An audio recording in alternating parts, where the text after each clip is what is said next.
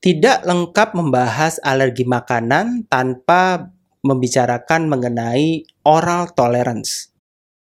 Oral tolerance konsepnya adalah berlawanan dengan alergi makanan. Jadi kalau alergi makanan kita sifatnya reaktif terhadap bahan makanan yang harusnya kita tidak bereaksi. Sedangkan oral tolerance ini adalah kondisi di mana kita bisa mentolerir dari protein, peptida, atau asam amino yang berasal dari bahan makanan dan tidak bereaksi, sehingga kita mentolerir tersebut dan tidak menimbulkan efek samping terhadap tubuh.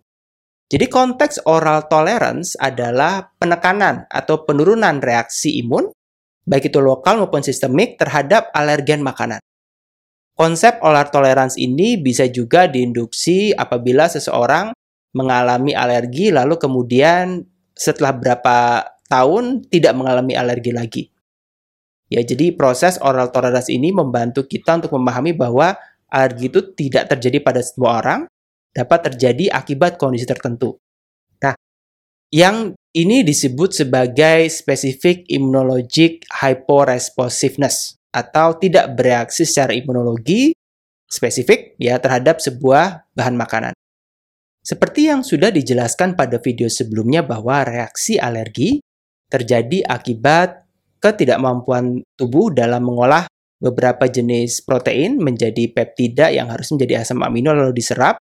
Peptida ini kemudian menginduksi reaksi antigen presenting cell akan memicu T helper lalu akan me mengaktifkan sel B agar melepaskan beragam jenis imunoglobulin terutama imunoglobulin E yang mana akan mengaktifkan sel mas.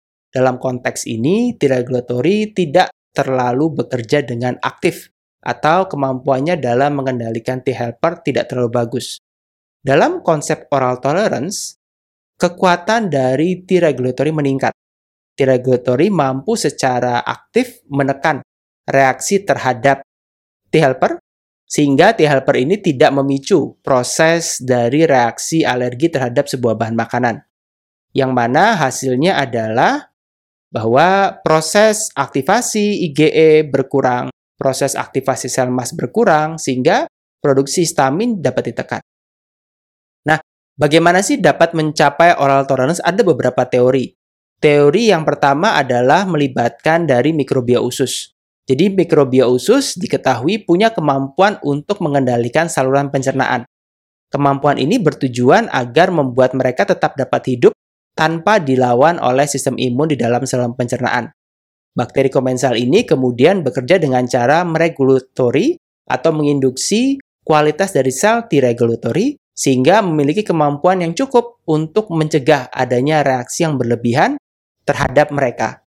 Nah, kemudian karena T-regulatory ini bekerja dengan baik dan ini juga di-extend atau ditambahkan bahwa kemampuan tubuh dalam mencegah reaksi berlebihan ini juga terjadi pada peptida-peptida yang ada dalam bahan makanan. Sehingga keseimbangan atau homeostasis dalam saluran pencernaan ini dapat terjaga. Jadi yang dilakukan oleh bakteri komensal itu adalah menekan reaksi sistem imun dan memicu imun tolerance. Sebenarnya tujuannya adalah mencegah bakteri tersebut dilawan oleh sistem imun yang ada dalam saluran pencernaan.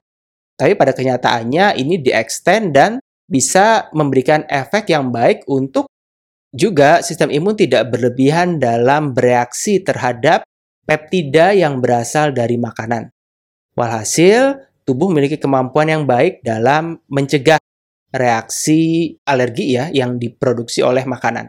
Lalu konsep oral tolerance ini kemudian membuat kita berpikir mengenai bagaimana sih sebenarnya proses terjadinya alergi mengapa sekarang semakin banyak orang yang mengalami alergi? Dan kenapa kejadian alergi negara maju lebih banyak dibandingkan dengan negara berkembang?